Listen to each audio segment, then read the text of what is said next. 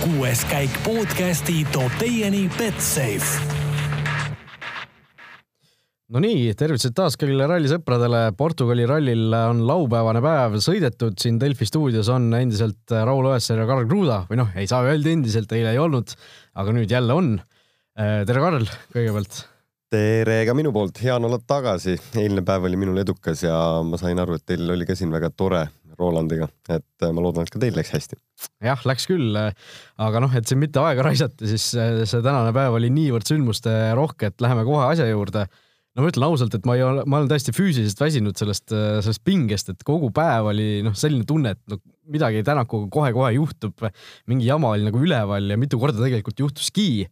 Äh, ent lõpuks noh, siiski meie mees kuidagi tuli kõigest välja, on ikka ralli liider, olgugi et järgmine, järgmise kümne sekundi sees on kohe nii Chris Meek kui Terrine Vill kohe kannul. no ma ei teagi, millest, millest üldse alustada, et äh, võib-olla paneme noh, kronoloogiliselt, et midagi siin ära ei ununeks äh,. alustame siis üldse Hyundai teemadel mm.. Äh, kohe esimesel katsel ju noh, päev, päev põhimõtteliselt algas sellega, et Hyundai trikitas äh, taktikalise liigutuse siis tegi, kui Sordo ja Lööp, kes eile päeval siis äh, päris palju aega kaotasid, pidid täna siis esimestena startima, siis Sordo kohe sihilikult hilines sinna esimesse kontrollpunkti ja hilines täpselt nii palju, et ta saaks startida siis Sebastian Loebi järel, aga Terrine Villi ees, ehk siis mis selle kogu asja point oli, oli see, et Ogiel, kes oli Neuvilliga sekund-sekund heitluses, oleks siis üks nii-öelda teepuhastaja enne teda vähem. Neuvillil jäi see, jäi see arv nii-öelda samaks, et no minul tekkis kohe küsimus, et eh, kui Sordo seda tegi, siis miks ei oleks eh, Hyundai võinud sama korraldust kohe ka lööbile anda, see oleks ju teinud Ogier elu veel natukene raskemaks. Mm, see oli mul tegelikult täpselt samasugune küsimus, et miks eh, kui Sordo tegi selle lükke kohe enne kaheksandat starti või täna hommikust esimest, siis lööb tegi see alles kümnendal. et miks jätta nagu nii palju ruumi vahele või nii-öelda, ei kujuta ette ka ma ei tea, mis see taktika seal oli või võib-olla lööb ei tahtnud sihukest asja teha, et ei ole harjunud äkki kellelegi teisele kaarte mängima ette või kätte. kuigi ta isegi sõidab ju poolikut programmi. jah, et äh, tõesti lõpuks tegelikult äh, tõi see liigutus ilmselt suhteliselt kenasti kasu, no Neville ise muidugi äh, natukene nurises selle kallal, et ta hommikusele tiirule võttis kuus rehvi kaasa, ehk siis see juhitavus ja oli natukene äh, natukene harjumatu või natuke ta selle pealt võib-olla andis tagasi, aga kokkuvõttes, kui päeva lõpetuseks vaatame Neville'i ja Ogier vahel on nüüd siis üksteist koma kaheksa sekundit äh, tänase päeva pealt puhtalt. Äh, Neville võitis Ogier'lt siis kümme koma kaks sekundit äh, tagasi, ehk siis noh, Andrea Adamo võib oma sellise käiguga lõpuks ikkagi suhteliselt rahul olla äh,. kindlasti, no tegelikult kümme sekundit saja kuuekümnele kilomeetrile ei ole üldse väga palju kui ta sellise, aga noh, selles mõttes, et iga asi mängib mingit rolli ja Newvil oli, Newvillil oli kindlasti puhtam joon, kui oli Ogeeril, aga nagu tegelikult rääkides ka sellest äh, Ogeeri meeskonnast, siis Citroenist ja Esa-Pekka Lappist, siis Esa-Pekka Lappi tegelikult, kes täna startis teisel äh, positsioonil, nii-öelda teisena rajal siis, tema tegi üllatavalt ilusa ja hea sõidu, et, et see on jälle endale kiirus üles leidnud, et seda oli kohe hea vaadata ja püsib tee peal ka, onju, mis on viimastel rallidel siin kõige suuremaks näiteks komistuskiviks saanud, onju. ja, ja nüüd, nüüd tegelikult Ogier kui ka Lappi on meil ju esiviie seas, ei, vabandust, ikkagi eh, jah, esiviie seas. neljas ja viies, jah. ja, ja kusjuures päevakokkuvõtet, kui eraldi vaatad, et siis nemad, eh, Lappi oli ka täpselt viies, et ta on täpselt õigel kohal ka seal üldarvestuses, kui ta, noh, ta sõidab päeval kõik aeg täpselt ühte sama kiirust. Jah, et äh, siin äh, lõunapausi ajal ka ju naljatati, et äh, Lapisel ise ka ütles, et natuke noh, et nagu Tänak reedel, et Tänak ju ka reedel teisena oli seal stardijärjekorras, aga suutis, suutis väga kiiresti sõita, noh, Lappi päris nii kiiresti ei suutnud, aga, aga kindlasti võib tema oma päevaga rahule jääda, aga noh, selle Hyundai trikitamise juurde tagasi tulles, siis noh, sotsiaalmeedias seal WRC teleülekandeski päris palju ju tegelikult Äh, arutleti selle üle, et kuidas sellisesse asja üldse suhtuda, et, et äh, noh, arutati, et kas see peaks olema üldse kuidagi ära keelatud, kas see tohiks olla lubatud, kas see, äh, kas peaks mingisugune džentelmenide kokkulepe siin tulema tiimide vahel, et me ei tee sellist asja. no sinul oli oma seisukoht olemas selle kohta? ja, minul on tõesti tegelikult karistus on ju välja mõõdetud täpselt, et kui sa hilined äh, ühe minuti, siis sa saad kümme sekundit trahvi ja kui sa lähed üks minut varem sisse, siis sa saad äh, minut aega trahvi. et need noh, see on ju reglementeeritud. see, kuidas meeskond seda enda jaoks ära käsitleb, ega me, nad ju lõpuks kulutavad ju nii megasuure summa raha, et tuua näiteks noh, Hyundai ilmselgelt tegi ju vahetused juhtides, Andrea Adamo tuli nüüd juhtima seda meeskonda, kes teebki päris tugevaid otsuseid, näha oli, et ta ju vahetas selleks, et tapiks ju Mikkelseni välja äh, lööbi vastu ja noh, tegelikult kui mõlemad tulid ka siia rallile, siis ju neil esimesel päeval olid mõlemad fuel pressure'i probleemid. selles mõttes see kukub kõik meeskonna bossi õlgadele praegu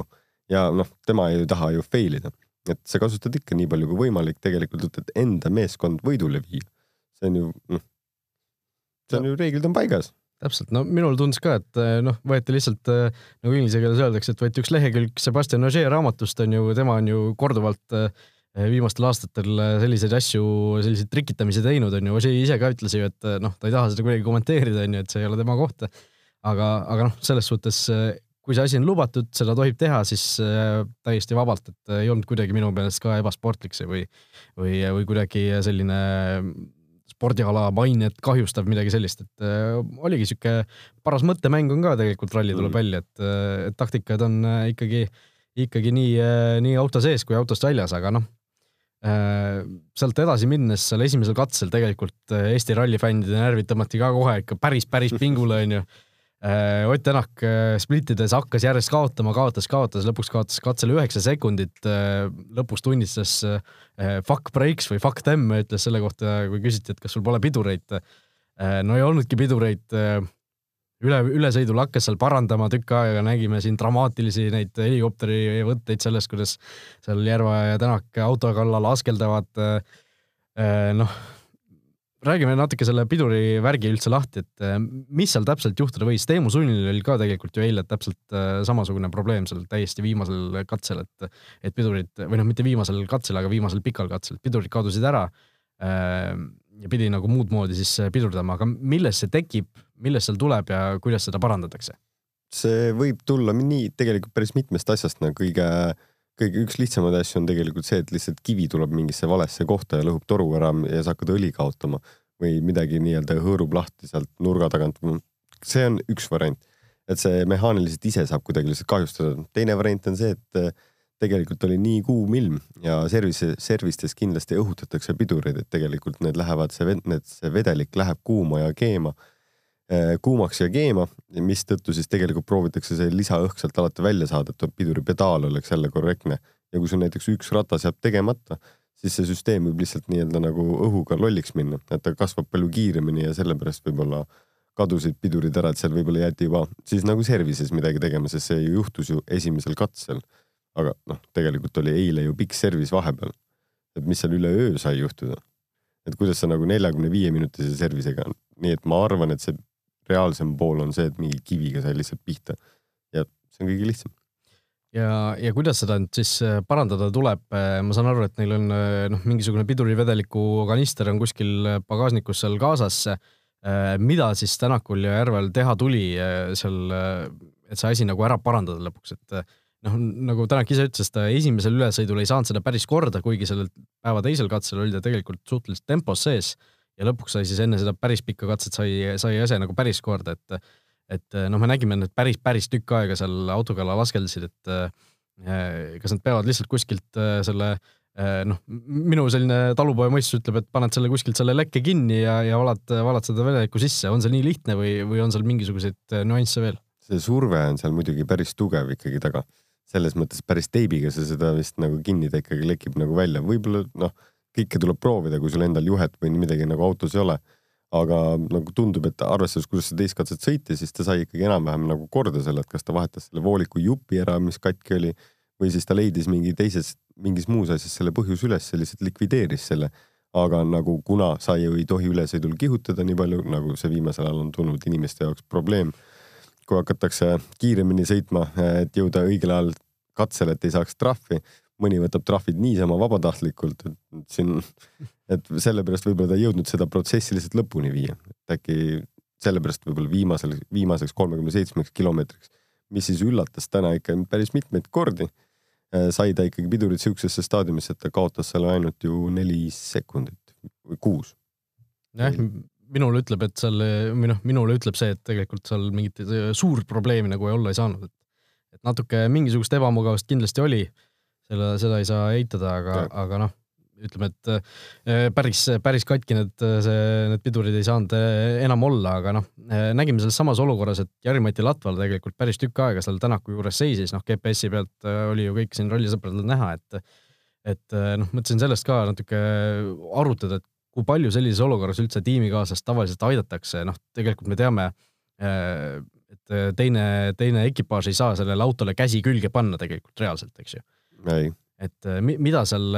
ütleme Latvale teha võis, kas, kas ta võis kuidagi mingisugust nõu anda kellegagi mingit noh, telefoni kõrva ääres hoida või mis, mis ta, mis ta seal, tema roll võis olla? kui me teaks lõplikku vastust sellele, mis tegelikult viga oli, siis võib-olla oskaks natukene paremini seda hinnata aga üldjuhul meeskonnakaaslane saab sulle nõu anda, just rääkidagi meeskonnaga, et küsida ja uurida, kuidas see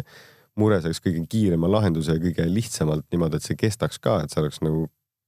korralik.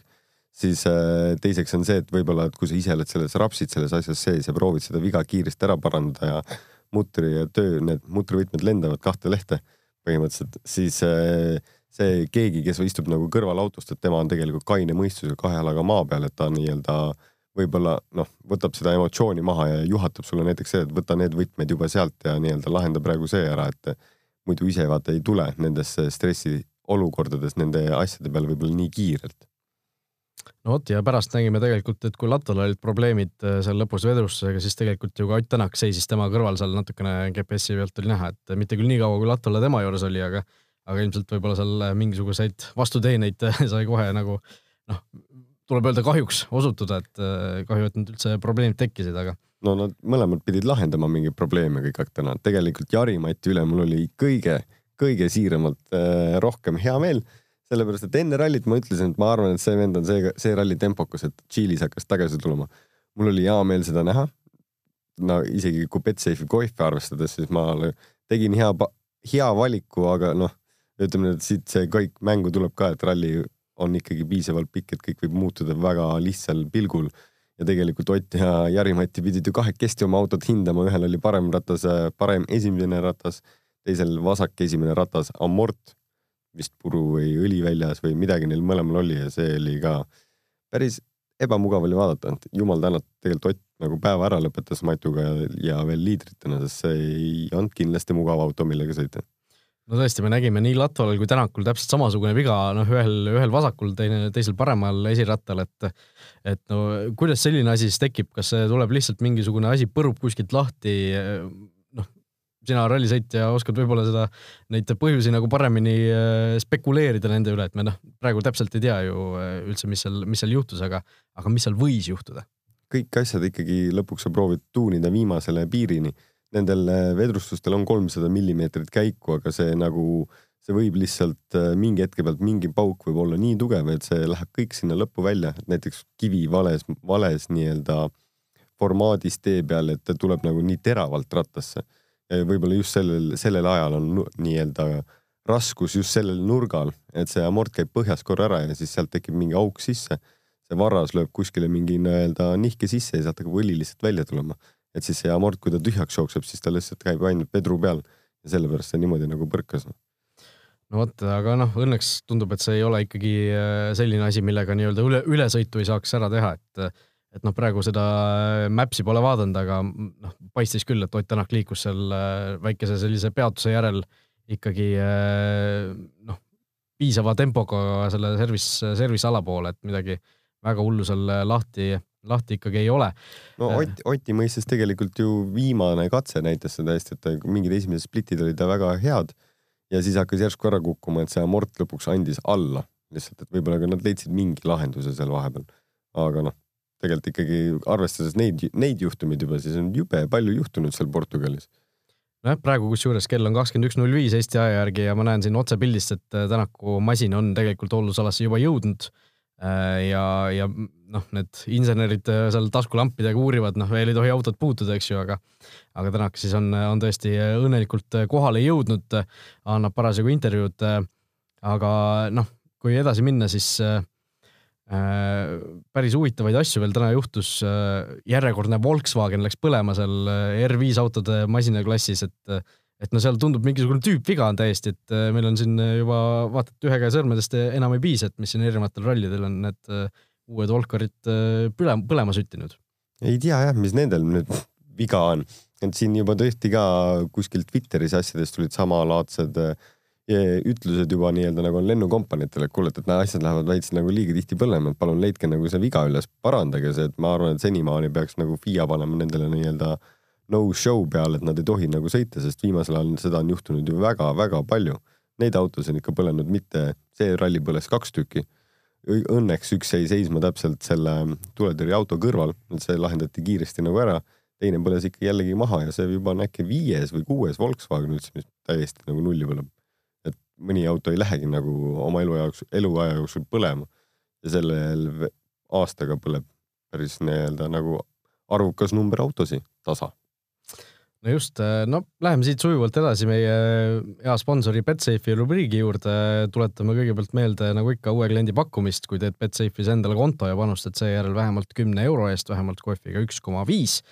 siis annab Betsafe omalt poolt sulle kahekümne viie eurose tasuta panuse ja sellist asja saab siis kasutada kuni neli kuud järjest, ehk siis kokku võimalik sada eurot panustamisraha endale saada ja vaatame siis, millised kohvid on siin äh, saadaval, mille peale seda tasuta panustamisraha kasutada. Äh, noh, kõigepealt äh, WRC Rally Portugal kaks tuhat üheksateist võitja Ott Tänak, kellel on siis nelja koma kahe sekundiline edu Chris Meegi ees ja, ja mis see oli üheksa koma üheksa koma midagi oli eh, siin Neville'i ees, kohe vaatame täpselt järgi, üheksa koma kaks siis Neville'i ees. Eh, tema võidu koefitsient Portugali rallil üks koma kolmkümmend, eh, Neville kuus, Miik kaheksa, Ogier kakskümmend viis ja ükskõik kes muu on sada juba, et nii et, et siin on noh, arvestades neid Tänaku täna, täna, tänaseid probleeme, siis homme on ka veel päris mitmeid katsed ees, kuigi noh, lühemad et äh, mine tea, see üks, üks kolmkümmend tundub nagu natuke isegi väike, väike koefitsient selle kohta. Äh, üks kolmkümmend küll, aga tegelikult, kui sa võtad need, äh, nagu see on see, kui sa tahad Oti peale just panustada, aga kui sa vaatad tegelikult nagu teise pilguga Chris Meek kaheksa ja Terry Neville kuus ja vahe on tegelikult ainult üheksa sekundit ja homme on ju meil veel sõita ikkagi viis kiiruskatset, mis on nagu veel pikk päev on ju ees tegelikult viiekümne kilomeetriga, et viiekümne kilomeetriga kümme sekundit, siis see ei ole väga midagi. jah, et juhtuda võib, juhtuda võib ja noh, äh, vaadata siin veel koefitsiente, Trinoville versus Chris Meek, äh, väga huvitav duell kindlasti homme. Neville üks koma kuuskümmend seitse, Chris Meek kaks koma kümme on see äh, omavahelise duelli koefitsient, vahe nende kahe mehe vahel on siis neli koma üheksa sekundit Meegi kasuks viiskümmend kilomeetrit ees ja noh, mulle tundub, et see Miigi kaks koma kümme võib-olla isegi annab siin parema väärtuse, arvestades seda, kui head kiirust tegelikult Miik täna näitas. no see on tegelikult tõesti hea, et äh, see annab ju selle vihje, et, äh,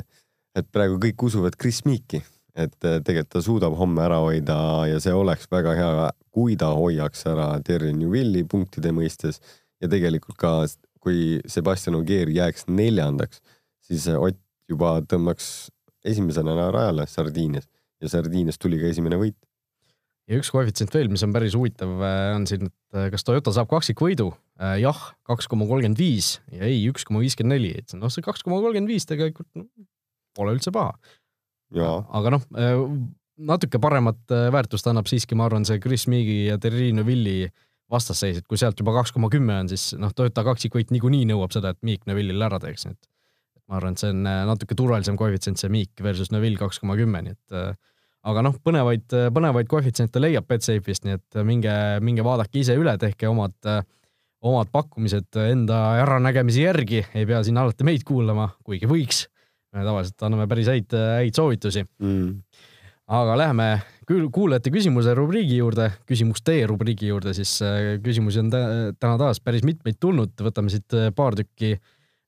kiirelt äh, ette. Alfred Reinhardt äh, on siis Portugali ralli koha peal, tervitab meid siis sealt raja äärest ja ja küsib, et pärast siis eilset kuuendat katset pandi lukku tänase päeva stardijärjekord, ehk siis reede õhtul oli see üks publiku katse siis veel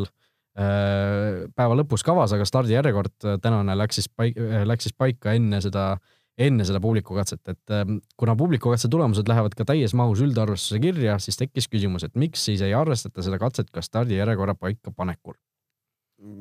see on hea küsimus, aga superkatse, super nendel superspetsiaalidel on nii mõn-, mõnigi kord tehtud mingit nalja või siukest asja ja seda näidatakse telekas, et see võib olla nii-öelda nagu vanem reegel, arvestades seda, seda trahviminutite küsimust, et see kuidagi nagu langeb samale paberile et eh, kuidas, milline on see taktikaline mäng, aga üldjuhul nad tahavad öelda et lihtsalt, et metsakatsed on need, et seal sa ei saa nii-öelda nagu mingit informatsiooni ja ja ütleme, et sa ei tee mingit lollust, et sa alati sõidad otsast lõpuni nagu kiiruga, sellepärast et sul ei ole informatsiooni. et siis nende pealt nagu puhta kiiruse pealt pannakse see stardijärjekord paika, mitte selle pealt, mis, kas keegi teeb mingit show'd kuskil nii-öelda või midagi muud. jah, ma praegu mõtlesin ka veel, et äh, nendel super specialitel ju vahel äh, see stardijärjekorraga ka mängitakse, seal pannakse noh, korraldajad, ma mäletan Rootsi rallil oli, panid seal Grönholmid ja asjad panid äh, vastamisi omavahel sõitma, Grönholm ja Lööb vist olid mingil katsel seal paaris rajal, eks ju, omavahel, et et noh, seal mängitakse natuke selle sportliku printsiibiga ka mm. -hmm. sageli, et et siis äh, midagi sellist ilmselt ei, ei hakkaks seal mõjutama, et on selline üldreegel tehtud Äh, Sander küsib, et äh, päris huvitav küsimus, kui pärast katset automootorid vajavad jahutamist äh, ning rahvas intervjuusid, noh, me oleme näinud, M-spordi autod äh, panevad ilgelt kiiresti minema pärast seda, kui siin äh, need äh, katsed ära lõpevad, siis äh, miks korraldajad ei võiks jahutada autot selle, selle hetke ajal, kui intervjuud võetakse, ehk siis äh, puhuksid mingisuguse lehepuhuriga sealt õhutoast sisse äh, külma õhku, et kas see oleks üldse mõeldav? päris huvitav mõte Sandri poolt. Väga huvitav mõte, tegelikult võiksid teha küll, aga aga see mootor ei olegi see küsimus, sellepärast et mootori veetemperatuur ja õlitemperatuur püsib suhteliselt normaalsel tasemel tänu nendele megasuurtele radikatele, et pigem on seal küsimus just pidurites. et neid noh, siis sul oleks vaja nelja lehepuhurit, et igat nurka nii-öelda jahutada, sest pidurid on need, mis on nii kuumad, et see on viissada, kuussada kraadi, et neid lihtsalt koha peal ei tahaks nii-öelda nagu hoida, et siis hakkavad asjad nagu nii palju rohkem sulama, et tegelikult sellepärast on vaja neid jahutada, et kui sa pikalt seal kohapeal seisad, et siis lõpuks lähebki pedaal pehmeks. et neid võiks, neid võiks küll jahutada lehepuuritega, see oleks kindlasti päris mugav. aga nagu me enne saadet korra rääkisime, tegelikult võiks olla see ala võiks lihtsalt natukene võib-olla pikem olla pärast mingit megapikka katset või nendel soojadel rallidel, kus tegelikult on väljas päris kuum ja pidurid lähevad väga soojaks. Ehk siis äh, finiš, finiš on ära ja siis äh, võiks natuke pikemalt lihtsalt lasta nendel autodel maha jahtuda sõiduga, enne kui see jah, igal katsel on nii-öelda nagu põhikatse ja katse ees ja taga on nii-öelda tsoonid, kus sa lähedki AK, AKP-sse sisse, siis sul on kolm minutit aega ja siis sa stardid alles katsele ja kui sa katse lõpetad, finišijoonest üle sõidad, siis on ka nii-öelda nagu vaheala nagu lennujaama sel terminalil põhimõtteliselt, et sa ei ole päris selles riigis enam. aga noh, ütleme nii, et eh, noh, pead passikontrollist läbi minema, et oma aeg kirja saada, et siis saad jälle edasi minna.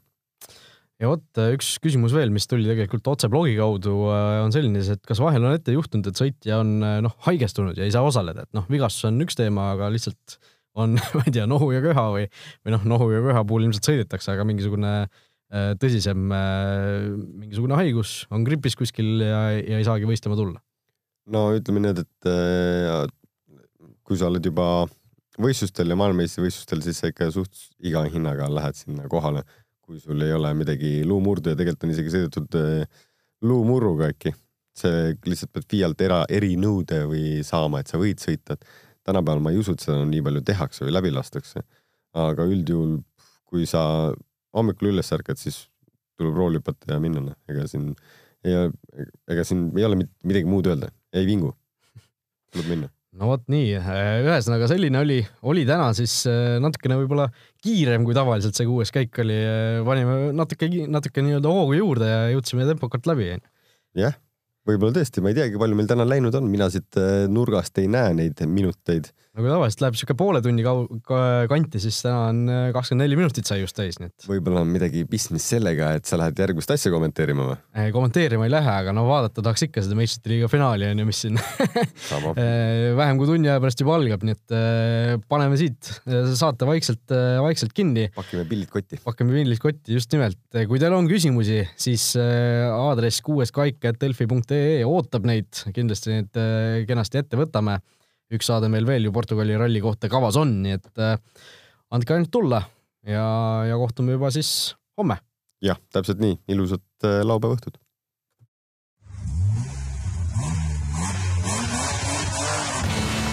kuues käik podcasti tõi teieni Betsafe